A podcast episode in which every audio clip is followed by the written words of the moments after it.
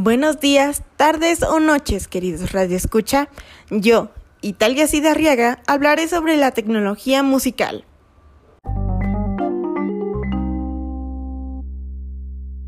Pero antes, ¿qué es la tecnología musical?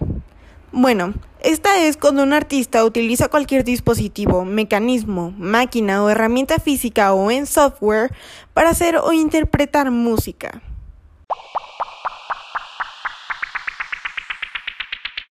De hecho, la tecnología musical viene desde el Paleolítico, con flautas talladas y ciertos instrumentos de cuerda. Y ha evolucionado a lo largo de los años, con el Antiguo Egipto, el Valle Indio, la Biblia, la Antigua Grecia, el Imperio Romano, el mundo islámico, la Edad Media, el Renacimiento, el Barroco, el Clasicismo, el Romanticismo y todo eso hasta el presente. Pero este empezó a tomar fuerza hace un poco más de 130 años, ya que con la ayuda de la tecnología y la conexión con el resto del mundo se lograron hacer grandes inventos modernos para la música.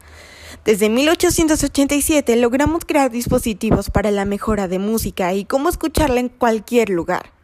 Estos dispositivos eran cosas como el megáfono, discos, bocinas, tocadiscos, que dieron paso a cosas como los amplificadores, auriculares, micrófonos, música en la web, AirPods y ahora más aplicaciones para escuchar toda la música que se desee desde la comodidad de tu teléfono.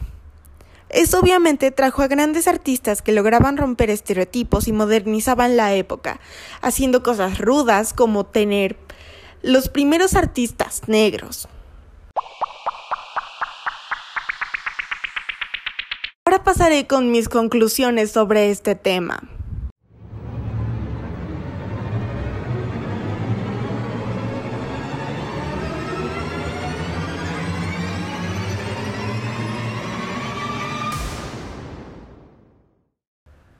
Durante los años se han creado varios instrumentos utilizando la tecnología que tenían en ese momento, al igual de cómo reproducirla y escucharla en cualquier lugar.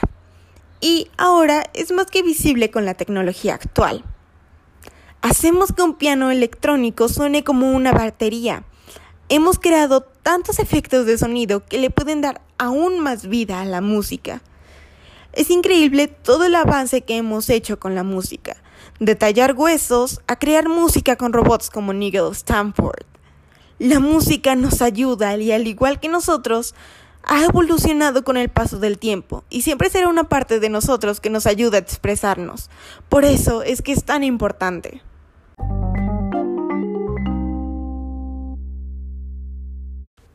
Bueno, gracias por escuchar. Espero que la pasen muy bien. Adiós.